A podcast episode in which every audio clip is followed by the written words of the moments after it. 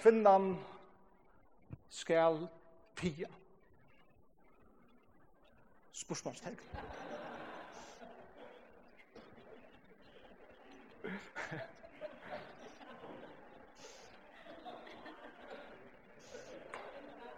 Skulle vi uh, enda ved bøn?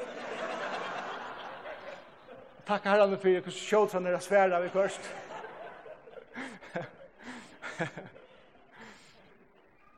Som jeg vaks opp uh, som, uh, som smaltranger, bæge og i kvalpa og i gøte, så er jeg oppvaksen i en sånn heimon hver Her som spår en gang at det har vært noen kjellige områder. Det har alltid vært pura naturlig for meg at her som er kommet, her har kvinner haft en leiklot, og Om omgang så hoksa så ræra nekko om eh, hver skal tia och inte tia og etter stinsen her. Sjån det flentet det er rätter. retter eh nekkan som ommen som kom i som funn hatten og hatten og sånne ekka som smart ranger og, og det var sjående pura eh, normalt det gjør det ikke vera for en under jeg kom og Emma hos bibelskolen kjøpt til en funn skole så var det introduseret jeg til en av ver som eh, på en måte hever et system hver vi følte at eh, det er viktig at kvinnan tiger at kvinnan eh, hever høtten, og kvinnan kjenner seg sted i samkommende, og, og, og jeg, jeg følte meg akkurat som sugen inn i system, og, og i samkommende eh, høpe hver. Det var en ofrigjør av tøyene. Da jeg kom av Dallas Seminary, eh, fikk jeg vågen av nødgjøn.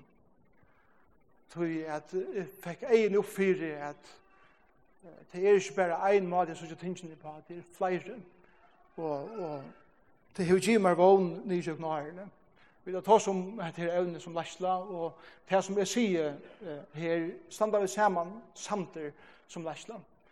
Sjån, vi tar snakka om dette her, men det er noe ansen som vi kommer å si, og i disse røyene, her, det er kanskje ikke akkurat snakka om, til at annars hadde vi ikke snakka om det annet etter det største evne. Så tror jeg det er viktig å si at det er det største evne, Eh, det har vært avmarska eisen hos så djupt jeg kan fære ut en sunne morgon, så det er ikke bibelskolen, selv om det fære være noen undervisning i djøkkene til evnen. Men jeg jeg innskje at, at byrja, altså røyne vi er vise av hvordan jeg medelig tro på det er Hvordan jeg medelig tro på det er at utleggja hese versene som, som så gjør ut til å peika en vei, og eisne vise av at det er flere avskoaner. Og hver avskåren hever sånne sterske suger, og hever eisen sånne hål. Jeg måtte tog til hever diskutere i 2000 år, ikke det? Hvis jeg en hever pura eh, tøtt, så, så, så hever det vært tam forklaringen. Men det som jeg kommer å si, og det som jeg kommer å bære frem med seg vikene, det er flere som slett ikke hever til avskårene, og det er ok. Jeg lever hvor jeg er, og jeg lever funnet hvor jeg er. Så langt som jeg er samført om hva de halte skriften lærer. Men Jeg halde det her områdende av vise av. Ikke bare løvdene, men det som forfører falskjen. At det er og er avskående. Det er flere avskående om det her evne. Og det er hundra av vis av støven til alle skriftene hver vi suttja forholdet som god hever give i middelmann menn og kvinner og i sunnet hemmeste vært her i sankum og virksomhet, eller vær til misjonsferien, og så videre. Hundra vis av, av versen som, som peikar av et helt naturligt samband. Og så er det tvei, mulig tru skrifter, som er trobult. Og øyne jeg bytja alle lærerne av tei versene, som er utrolig trobult utleggja for det første. Og hukse ikkje om heldarmyndene av hva det er som skriften lærer. Så, i det for at hitje er, if jeg byrja vi at hitje er den troblen verset, bare for jeg vise deg det kun hvordan troblen det er. Så fer jeg uh, i kommande vikene om Herren vil, og byrja vi å komme, at hitje etter ötlund skriften, og at suttja andan og i skriften, hesten evnen, evnen vi vujkjande. Um, Særlig at hitje etter skriften om til åkest, da det kommer til dette evne her på beint. Jeg sutja hvordan forholdet vær i middel mann og kvinne, allan veien her framme fra skaperne versen, at, at hei at hei stå og li om li saman. Sjølt om Adam var kronologisk skapter og arren, så var det ungen moner av heimann som mennesker. Men eisen viser av ræveleikan som syndafattelig har haft visser, men det er underfodla som eldreføringen, så her vi ser.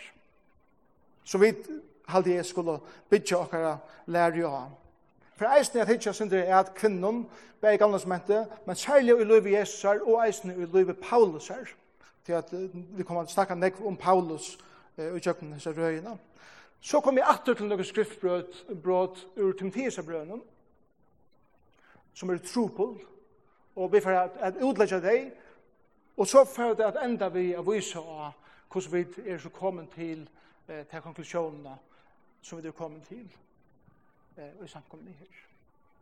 Så i stedet for å bare ha ene tale om hette det og så eh, teget av livet, så heldur letja en orden gråra båten under, så, så vi teka det evne verlige, og vi kunne eh, sutja hva det skriften sier om dette her evne.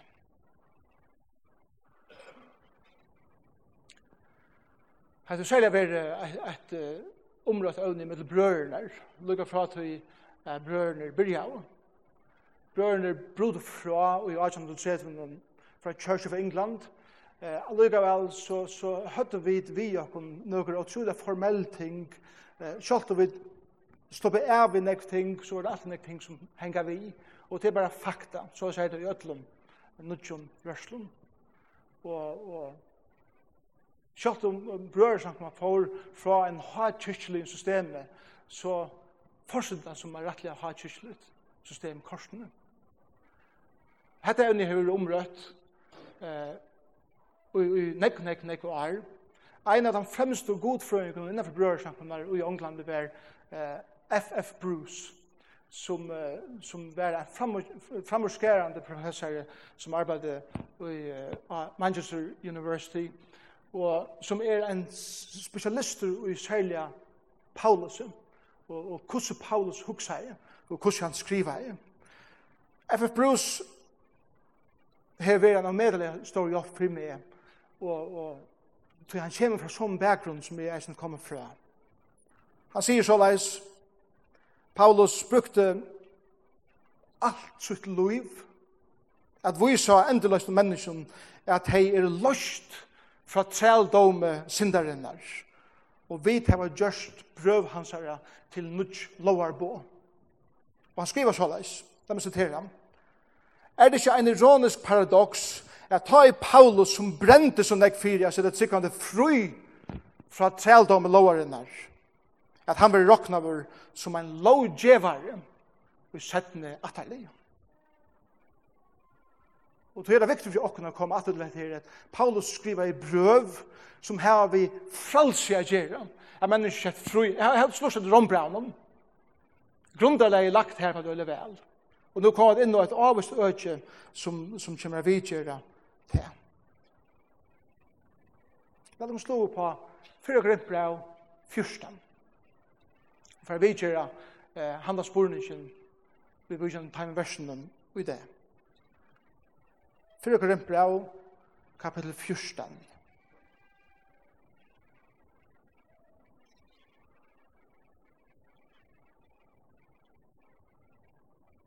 Jeg hadde vist lesa fra vers 26 for saman ikke skilt. Og Paulus skriver her til alle sankene i kapittel 12, her han tås om eh, hva er andalle gavnar er og hvordan tuttninga mykje det er at her praksera i sankene. Kapittel 13 tås han om hvordan området det er at gavnar vera latnar i karlaika, så er det tytan alltid er en oppoffrande karlaika. Og i kapittel 14 etter han folk til at, at bruka sånne gaver vel, men vi går en skil og går en ordan, og til argumentet i, i, i kapitel 14. Så leser vi vers 26. Hvordan sier ta brøver? Brøver her, sier bare eisen til sistre. han tar seg ikke bare til menn, han tar seg til alle samkommene. Hvordan sier ta brøver? Ta det kommer sammen, hever hver tikkara sutt, salm, lære, oppenbering, tungetal og utlegging. La det alt være til oppbygging. Taler omkring tungum, så la det være tveir, eller mest leit suttjar hver jeg fer, men ein er sen, og ein utlegger til. Er ein utlegger tjastat, er ønsken utlegger tjastater, så skal hin tia i samkomne. Men han taler for seg sjolv og for gode. Er profeten skulle tveir eller trutje tala, og hin er døma om det. Men for en annar som her sitter oppenbering, skal hin fyrre tia. Så gjør det ikke han regner for å skile på eh, nekvann kaos som er i av møtene til Korintmannen. Tøy tid kunne alle profetera hver etter annan, så at alle kunne læra og alle være anvendt. Og andre profeter er profeten undergjønner. God er jo ikke god avskils, men frier. Og så kommer så versene, vum, knapplig inn i konteksten her beint. Eins og i ødlen sankumon hina heilagra, skulle kvinner tikkara tia av sankumon funden. Taimun er ikke løyft at tala, nei, det skulle være undergivnar, Som eisen loven sier, er nekka som ter vilja få av vita, så spyrir ter som egne menn heima. For det er kvinnen åsømlet at tala av sankumfunden. Etter verda fra tikkun og året gods tjekka ut, er tid er eneste som de er kommet til, helt vann kursi være profet eller andalian, så asan i han at her, som er skrivet tikkare, er bo herrens. Men skiler anker det ikke, så kan han leta vera han. Nu, brøver, systrar, møyner, try det etter å profetere og får i ången å tale i tungen. Men alt kan ikke sømlet og vi skile. Og det her er en sikna sitt år. Hvordan skal det her utleggjast? De gjør det kun negrar utleggingar som, som er rettelig populære i det. En utlegging er, vi skal tega det bøkstavlet, tega det akkurat som det stendur, og så er det det. Det var, da vi bo i Skottland, det var en, en sunnekvöld, byen av kom tala og en sankum, et lyd som noen norr i landen enn Glasgow, og jeg får her, jeg kom inn, det var ein mæver og seks kvinner. Öll var det i vi furs, Da jeg var kommet, altså disse kvinner og jeg, så var horen last. Maveren bjør velkommen, han er løsninger, han uh, gav sangen ut, uh, han sang, jeg sang. Jeg minner ikke om kvinner som. Han, uh, han interesserer meg, jeg taler igjen. Han takkar i fyri, han enda i møte, han gav styrkja sannsyn ut. Her var en sankoma som tog henda her eh, teksten bokstavlet. Og jeg kunne kurser si, ok, jeg kan kurser rosa dere at jeg teker det bokstavlet, og så gjør det ikke alle disse hålen der som man sier, ja, men man, hun kan gjøre hatt der, hun kan, jo, hun kan være sundagsskolen, hun, kan, Bokstavlet er hetta som det sier, og til galdande av alle samkompunktum, og, og tog er det såleis. Men jeg får sted til kvalitet, og jeg husker jeg god. Jeg er nok til at trykva, at høyt hos sier at jeg skal bygge samkommunen, jeg hatt det som du har i hoa. Jeg er nok til simpelthen at trykva at du er sånn god. Det handler samkommunen døy ut, døy ut, vi hans nattarlinn. hatt en, en utlegging. Trobeleisen vi har sett utleggingen er at unga sankummer praktiserer det her det, og heldur ikke, for å komme til den er det heller. Det er første sankummer der, under testament. Hatt det var ikke noe som, hatt det noe som kom inn settene, og en av sin kyrkje funnet, som vi får vise av en er det heller.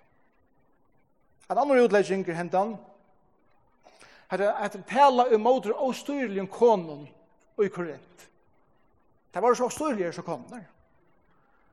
Han talar til disse ostyrlige kvinner som forstyrra av møtene og røpte og atrer fram og til mennene og så videre. Og han sier eh, pie. Og så er utleggen hatt av er til ter av oss kvinner i Korint Det er ikke galdande for negre ære kvinner, ikke negre ære samkommer, og tog er det heller ikke galdande i det.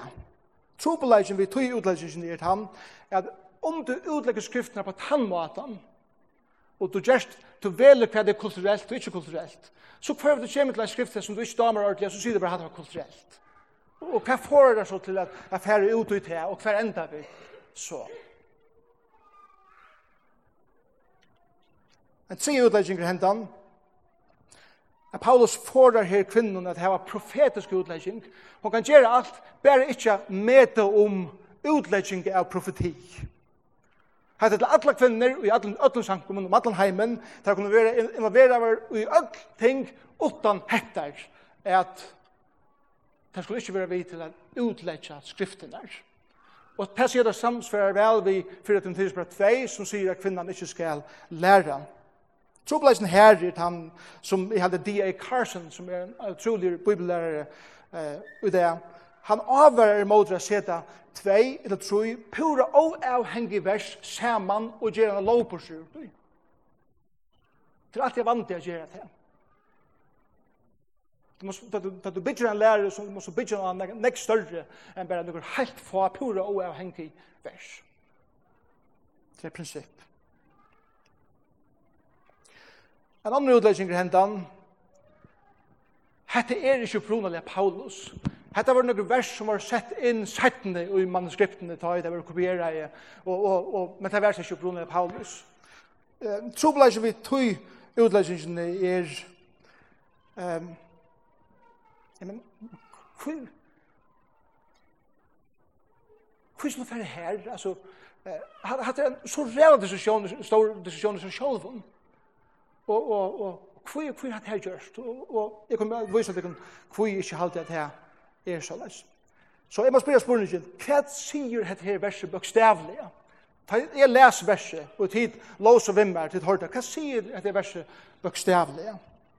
Bøkstavlig sier dette her verset, kvinnan, eller kvinner, flere til, skulle tia av samkommefonden. Det er det som det sier. At tia menas vi at tia. Ok? Året sound kommer fra sigao, som onker helter betyr at, at man skal pura halda mun. Ikke si eit år, altså pura atterled. Kan onker andre helter at sigao i hesun eh, sammanhengen hever ikke så kraftig antydning, men mer at, at, at, at kvinner skulle styra seg. Men, men tog legger en bedre kvinner noen. Hvor legger en så ekvislet til kvinner noen. Til eisen i, i konteksten sier at vi ødel, begge menn og kvinner, at om noen andre færre oppenbering, så skal han fyre tida, og så legger han etter kvinner noen. Hvor gjør han til? Tøy er det så ikke troblaga vi i hesten, hesten versen som jeg ikke har vist til nå. Jeg er ikke stått til å være bibellærer. Det tror jeg jeg leker meg disse vikene. Jeg har rødt med det, så, sånn jeg for at Ta jeg vet ikke at øtlensene i imenske utleggingen, så det første som jeg må avsamme, er til at det er motsøken og i nær sammenhengen. Man leser alltid på en kontekst. Allt i nær kontekst. Hva sier Paulus i samme brevet, og eisen noen om det som han taler om. Trobladsen er at det motsøkene til som Paulus sier her, og så er det sånn her i 4. Korintbrevet. I kapittel 11 etjer han kvinna til at bya og profetera. Og i kapittel 12 lærer han at ødelsankoman, begge menn og kvinner, er å eit likam. Det er limer av samme likam, ødel saman, og hver limur er fryer at bruka ter gaver som Herren har givet honom eller henne. Eisen i kapitel 14, som er disse versene skriver i roi, sier Paulus i vers 5 og vers 24 at öll, bei menn og kvinner, kunne profetera. Han sier at ta det koma saman hever hver tikkara, bei menn og kvinner, sutt egna, og så sier han vers 26 til dømes, Salm, lære, åpenbering, tungetale, utlegging. Paulus er sinder sarkastiker kanskje i versen. Det som man kanskje sier er til at de kommer ødel og tid, anker ikke salm og anker utlegging og anker hitt og ødel sen og forskjellig på etter. Anker heldre kanskje sier, eller hintar til det, til mulig. Og så sier han i vers 31 at tid ødel menn og kvinner kunne profetera. 31. Så hvordan kan Paulus tro vers 17 og i samme kapittel, vers 4-5, sier at alle kvinner, alle stender skulle tia av sankumfonden. Er han tvoi synder, mot sier han seg sjølvun, Så så jeg vet, første trobleisen er hesen, at mitt og medan han er i gang ved å oppmuntra ødel, begge menn og kvinner, er bruka sånne godkjønne gaver, sier han knapplega kvinner, alle sånne skulle synden skulle tia. Den tror jeg ikke. Vi er nær sammenhengen. Masse trobladjen er fjær sammenhengen, og det er hva at Bibelen sier, altså anden i skriften motvis kvinnene, anda Jesus her, anda Paulus her, motvis kvinnene, da vi sutja hvordan teir behandla av kvinner, og hvordan kvinner vil behandla her i skriften. Det er motsier, som Paulus sier her, Mæver og kvinner var skapt, og i bøylade gods saman. Sindafallet har haft rævligere avlægingar visser. Men de er endurfødt, og vi er sett fri fra valde lovaren i okra nudja løyfe. Apostles av 15, funden i Jerusalem, sett jokken fri fra öllum tøy som til gamla og tradisjonen som henger av, som tar vil de heva inn, for at en, en kunne bli kristen, som måtte først være jøte, og tar sier nei, så sier det ikke.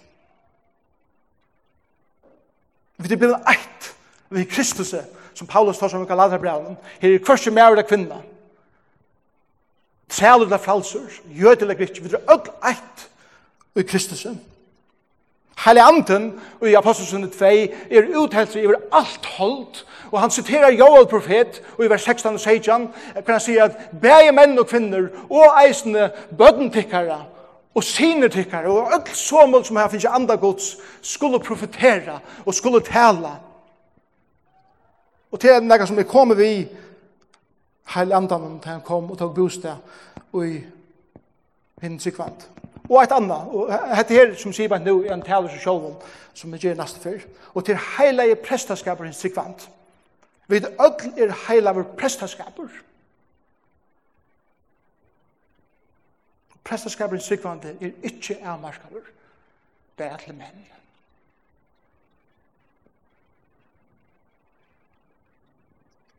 Det er næste trobladsen. Tredje trobladsen. Det er hesen at hese versene tonen i hese versene er øyla nyer gjerande av kvinnene. Han er en nyrgerande av kvinnene. Er nega som tar vilja læra, så spyrir det sånne menn heima. Til oss hømeligt, for de kunne snakka, til tala i samkommene. Ikke skulle bare tia, men det skulle helst ikke læra helter. Om tid heva nega som du vil læra, så, så ordnet det heima.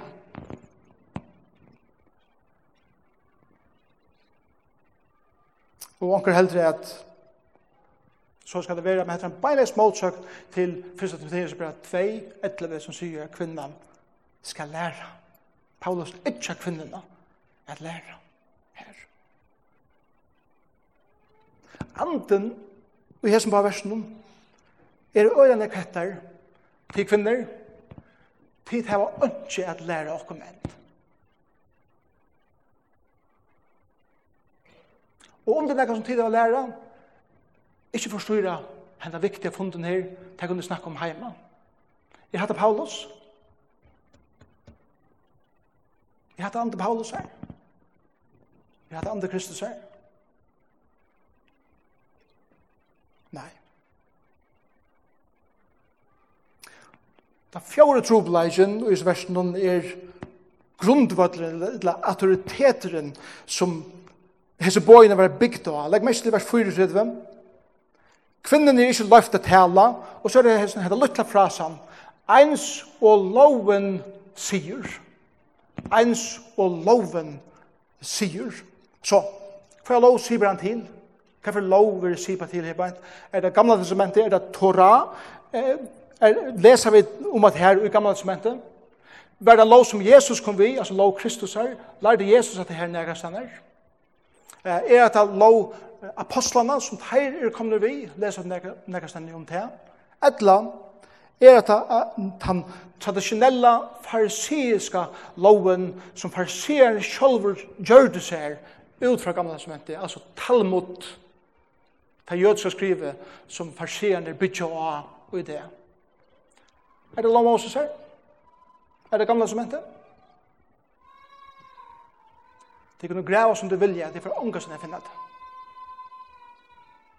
Så loven som han bygger av her er ikke gammel som et. Paulus citerer gamle som heter flere fyr og i fyra korinbrev, og hver jeg for han citerer gamle som heter er det skriva stendur. Men her sier han, men loven sier.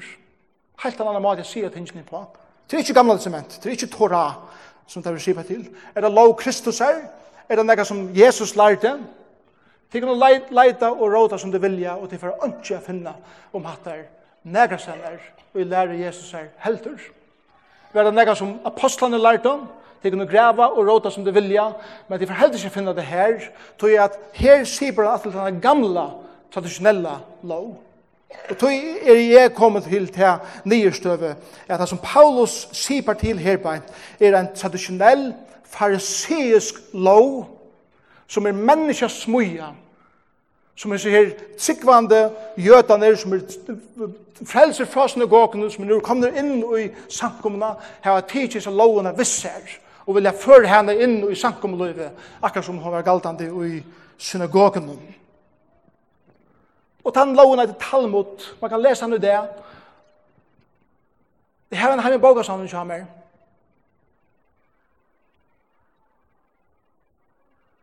Og det er akkurat hatt Jesus sier i fjallet. Tid det var hørst at det har vært sagt. Men jeg sier det ikke. Ta sier bare Jesus til Talmud. Han sier, tid det var hørst tradisjoner som farsierne kommer vi og har lagt om han i vid ikke. Men jeg sier det ikke. Og så får han atter til det som god opprona leia har jeg lagt. La meg gjøre det noen sitat ur Talmud. Det er en bønn God er takk deg fire, at det ikke er føtter hetninger, kvinna, eller en dummer mever. Talmud. Et annet sitat ur Talmud. Kvinnan er i ødlen løsens firskiften lagre enn meveren. Bæra menn kunne tala, Berakdot 4.36 og, og Mishna Abdot 1.5 Ønsken kvinna kan vittna i rette, og heldig ikke hava lov at hava handel i jødskun kultur, sendra eisen i, i Talmud. Kvinner var undermettar og til, til sygesetter. Der skulle ignoreras i alvorlige samtalen. Der skulle tia.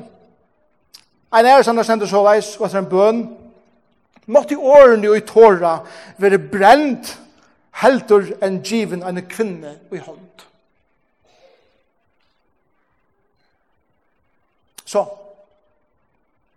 hva sier Paulus? i 4. Korinthbrev 14, vers 4 og 35. Kunde Paulus velja sia nega som sender i så stor kontrast til motsetning til det som resten av skriftene lærer?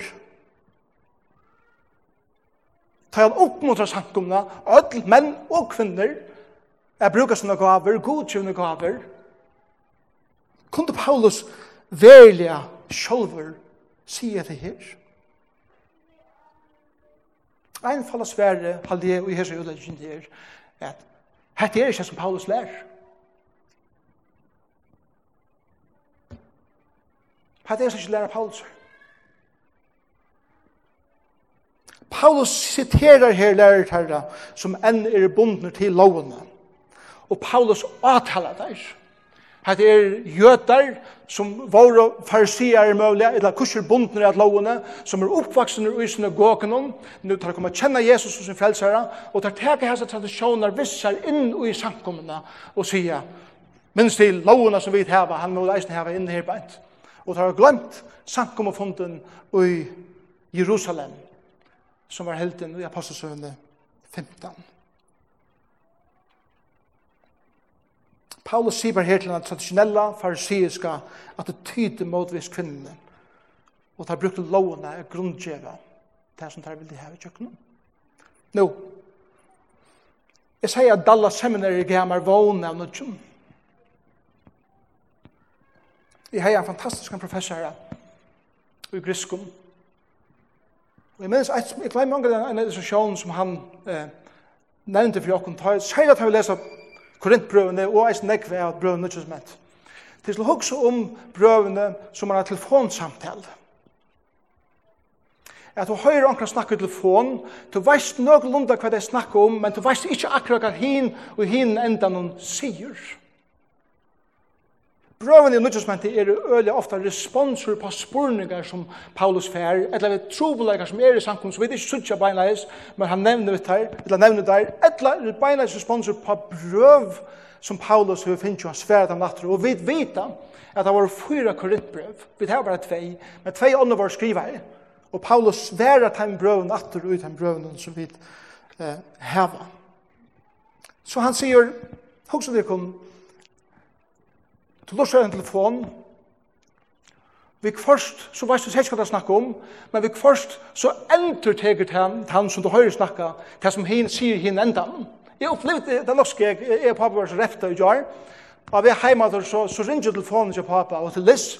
Liz er vi nok langt i bort, hun er ikke æren og melan i England, hjelp dem, så er det. Så ringer Liz, og pappa sier hei, og alt det der, og de snakka, og jeg vet nøgler hva de snakka om, så sier pappa, Alvar, det var fantastisk. Så du kommer hjem torsdagen. Ah. Ah. Nu fikk jeg vite hva jeg snakka om. Jeg hørte ikke hva Liss sier, men Pabi enda tog Liss, og du hørte ikke hva Liss sier. Paulus sier øyelig ofte det her i sånne brøven. Prinsippier heter, eller trobeleisen blir omsettingen, som vi det eisen heva, og det er at det greska malet og pronalega, Her var ikke glopp i mittlen, alt var bare skriva, ut i eit. Og man siterer i ankran, så var ikke gaseier som vi siterer det. Og tog er det utrolig tro på for vi vite akkurat. Vi omsetter. Prinsipper heter. Vi var kjente illustrasjonene om at norsk er en telefon. Og dette prinsippet har gjort meg utrolig enn Ta og i skrift standa beinleis og i motsetning til hvert annet så er det ofta tøy at høvendren sipar til det som hin sier i hin endan av røren. La meg gjøre dere tvei dømer fra Korintbrøden, bare for å vise dere når kommer til teksten. Så er vi med opp av 4 Korintbrød 6, satta kapittel, vers 12 og 13. 4 Korint 12, da 6, 12 og 13. Det lever så jeg, jeg har lov til alt, men ikke alt er til gangen. Jeg har lov til alt, men jeg må, ikke lade få valda av mer. Mæteren for bogen, og bogen for mæten, og god skal ikke enda på bavun. Det er noe helt, helt mestlig vers. Sier Paulus, jeg har lov til alt. Er det det som Paulus lærer, og nødt som heter, vi tar lov til alt. Er det det? Skal jeg, skal jeg synda for jeg nøyen kan være til større? Hva er det sverre? Mega nøy. Hetta dømi om hver, vi skal lesa det såleis, Paulus citerer, tid sia er han lov til alt, men jeg sier, ikke alt til kaken, tid sia er han lov til alt, her, her sier han til, her sier folkene som vil bruka fralse til at synda, ok? Her liberale folkene i samkomne, grikkar i hessen tilfellet. Men jeg må ikke, jeg sier, men jeg må ikke lede få valgdamer. Tid sier, mæteren er for boken, og bokeren er for mæten. Vi gjør noen, if it feels good, do it. Men jeg sier, god skal gjøre enda av baven. Et annet døme, nå er det legalistaner, jødene, kapittel 6, hvis du er en av suje fram. Jeg var ikke det er som suje, kanskje. Vers 1 og 2. Her sier Paulus, nu vi vujande tui som tid skriva om. Her får jeg beinleis a vita, ok, her er jeg skriva nega til Paulus, nu sverar han tui. Så citerer han det hva teir heva skriva. Det som tid skriver om og trettar, tid sier at det manne godt ikkje at nema kvinna. Og hvordan ofte er Paulus ikke skurter for at, at ikke at, at edja folk er gifta som vi er, og være maskinist og det stinsen her Han siterer farseerne her bænt, som er omvender. Tid sier at en mann er godt, ikke at neman er kvinne, men jeg sier det ikke. Legg som verste hva han sier. At for siløse skuld, har heve hver maver sin egna kone, og hver kvinna sin egna mann. Så han beinles mot sier til som tar læra, og kommer vi syne rekne læra inn her, at finne det kun mann og kone, og leta vera innenfor tjona band, det er det som han sier her beint. Så, ta vi koma til 4 Korinpra 14. Så trygg vi at Paulus siterar her hisa kristne lovlærerne, som har skriva et brev til Paulus om hettar, vi vil kjenne kvinnene, at her skulle tida sankumvunnen, Som sagt, det var, frel, det var frelste fra synagogen, her Talmud, rådde, og samme støy som Torah, og tar dødde ikke å komme inn i det frelse som det er endret fra Kristus, nå er det kommet inn i. Og det er sånn, Paulus, Paulus, kvinner er pura og styrlige, ter tala og ter profetera og ter synja og alle stingene her på en bidar tida, Og tog jeg aldri vi skulle lese versene så leis. Jeg må lese fra vers 31, bare for sammen en skilt. Så jeg kunne alle profetere, hver etter annan, så at alle kunne læra være amynt. Og andre profeter er profeten underkjøvner. God er jo ikke god avskylds, men frier. Ein så i sankum sankumon hina heilaga skulle kvinner tikkara tia av sankumon funden. Taimen er ikke løft at hele. Nei, det skulle være undergivner, som eisne loven sier. Er det som du vilja lære eller få vite, så spyr det som egne menn heima. Tøy til er kvinnen i åsømelig at tala av sankum og funden. Og så sverar Paulus atter. Så sverar Paulus atter og i vers 1 36 løy. Han sverar beinleis hessen her, hessen her eh, lovlæreren. Var det fra tikkum? Så ikke du hvordan sarkastisk han er. Var det fra tikkum det årgods tjekka ut? Er det tid? til eneste som det er kommet til. Helder onkus å være profet etter andalegam så as han i han, og legg mest til noe som han for å bruke sin apostoliska autoritet. Helder onker som er profet eller andal i han, så as han i han at det som er skrivet til tikkere er bo herrens. Så er det målsetninger.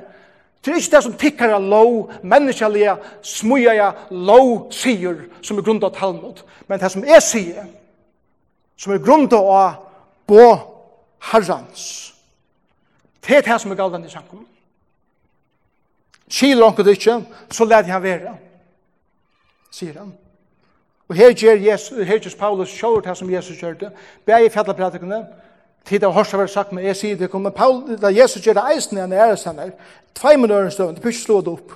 Mattias 15, tror jeg, her sier Jesus, Kvoi bråta tid sjolver bå gods vi vi tøkken tikkarna. Kvoi bråta tid Guds spå vi har halda dekken til Talmud, eller tekker egno menneskes mye og tradisjoner. Og eisen i Marskos tjei, troi, sier Jesus, til halda fast vi vidtøker hina gamle. Og her sier han til Talmud, og han sier bare ikke til Torah. Hetta er utleggingen, her som er i bætt nu, gjever mest mening, eller best mening for meg. I fyrra krimpra fyrstan er Paulus i gong ved edja og oppmuntra folk, menn og kvinner, er bruka sånne godkjende gaver. Og til pura naturlig for han, du har tegis på i versene, få det inn i sammenhenge og vidgjera deg. Og så fer han vujare, og i vers 19 til det som han var i gong ved åren er sida. Så her sier han, «Nå, brøver mine, systra mine, Tvaie etter å profetere. Fåre ångon ui at hela ui tungon. Ikke begge rundt og fåre kvar nøren jeg bruker til kakutjen og gaver. Han kommer alltid til det her, bant. Men det som han minner av, det som han minner sankumna, og det som han eisen minner okken av, er, og det er sørste verset, alt gengje sømlet fyrir seg og vi skile. Det er alt som vi gjør er sømlet, Og det som vi gjør i samkommunen, det er gjort ved skil. Så vi gjør når vi først skal litt sakka dra og tia, så det er noen andre som er fremmed, og så skal det være plass for i ødlund i samkommunen. Det er argumentet for, for Korinthbrev, kapitel 14. Så, la meg enda. Paulus, i hese versen, byr ikke kvinnerne tia. Jeg har ikke akkurat det øvete hver han etjar bæge mannen og kvinnen. Jeg brukar sånne godkjende gaver. Og at utvikla det her. Og ta vi få henne fra herren om at jeg kunne låta det vi gjør. Men det er meir enn det. Det er meir enn det. Jeg hadde Paulus tåsar her eisen om et helt naturligt normalt forhold i mellom menn og kvinner i samkomne. Jeg vet ikke gonger hikker nyr av hver annan, men det er pura naturligt forhold i mellom noen. Menn og kvinner i samkom Kristus her. Her all er blevet eit i Kristus, kan vi nøyde okkar gaver, utan mannamon, utan kinsbyte. Ikke størst av nekrar jaunstøvus nevnt, etla lygarrattende, eh, lygarettendes fellesskapen som vi er, som, som er veldig aktiv i det, som ikke er undaldøys med for å komme til 17 enn her tale. Men grunn til å det minst som god til lagt for jokken et gengo i som brøver og som søster. Paulus berges mot teimen som røyner at innføre menneska møyer lovlærer inn i samkomna og a binda folk. Og til vil jeg si etter vid hei, som leiber ut, og tega teksten bøkstavlega beina vegin utan a kanna grundalegi fyrir a gjerra det. Undergjeva seg. Avvilja trykk vi eisne. Ein farisiriskare, menneskjalligare og okristnare lærer som vil trusta mennesker nye og forat heimen å nøyta godgjivende gaver senere til læra farsierne, til ikke læra Jesus, til ikke læra Paulus. F.F. Bruce, siterer han Arne Gjevest, sier så leis, Paulus hei vent seg i grøvene, og man fikk vita, at vi heva gjørst brøv hans herre til Torah, eller til lov. Nidjøkken øldner heva hese vers, hindra så nekvun salva om kvinnen gods at tjena Kristus vi sunne gavon. Tjena haldu pæt. Tjena haldu pæt. Og jeg vågne henda røyen som vi færre kjøkken her kan hjelpe åkne for egen og hva det er som skriften lærer hessen tro på evnen vi har kjent. Skal vi be sammen. Herre Jesus, takk for tøyt år. Vi vet at ofte er det om medelige trobult at skilja, at utlegja. Latt at halda dogmatisk vi okra meiningar, utan å hugsa om avleggingarna som det hever for ditt folk og for ditt navn. Vi ber herre om at du hjelper okkon som sankoma, at få egen opp fyrir hver anden i skriften er vi vujkjende menneskjøn og de endurfødde og Jesus er blå og jeg bygger her om at vi skal være sankum at som, som rammer av fyrsta lærer at det skal være sømlet og det skal være viskile og det skal være ordan og i alt som vi gjør men at det ikke hindrer følge mannen og kvinnen Jeg bruker sånne godgivende gaver og talent. Her er sikkerhet til samkommende. Og hjelp oss med at genga fram sti for sti, ofta eisen det ikke videre hva nasta sti er, ta stu ut i trygg og fylg det her etter. Og i Jesu navn. Amen.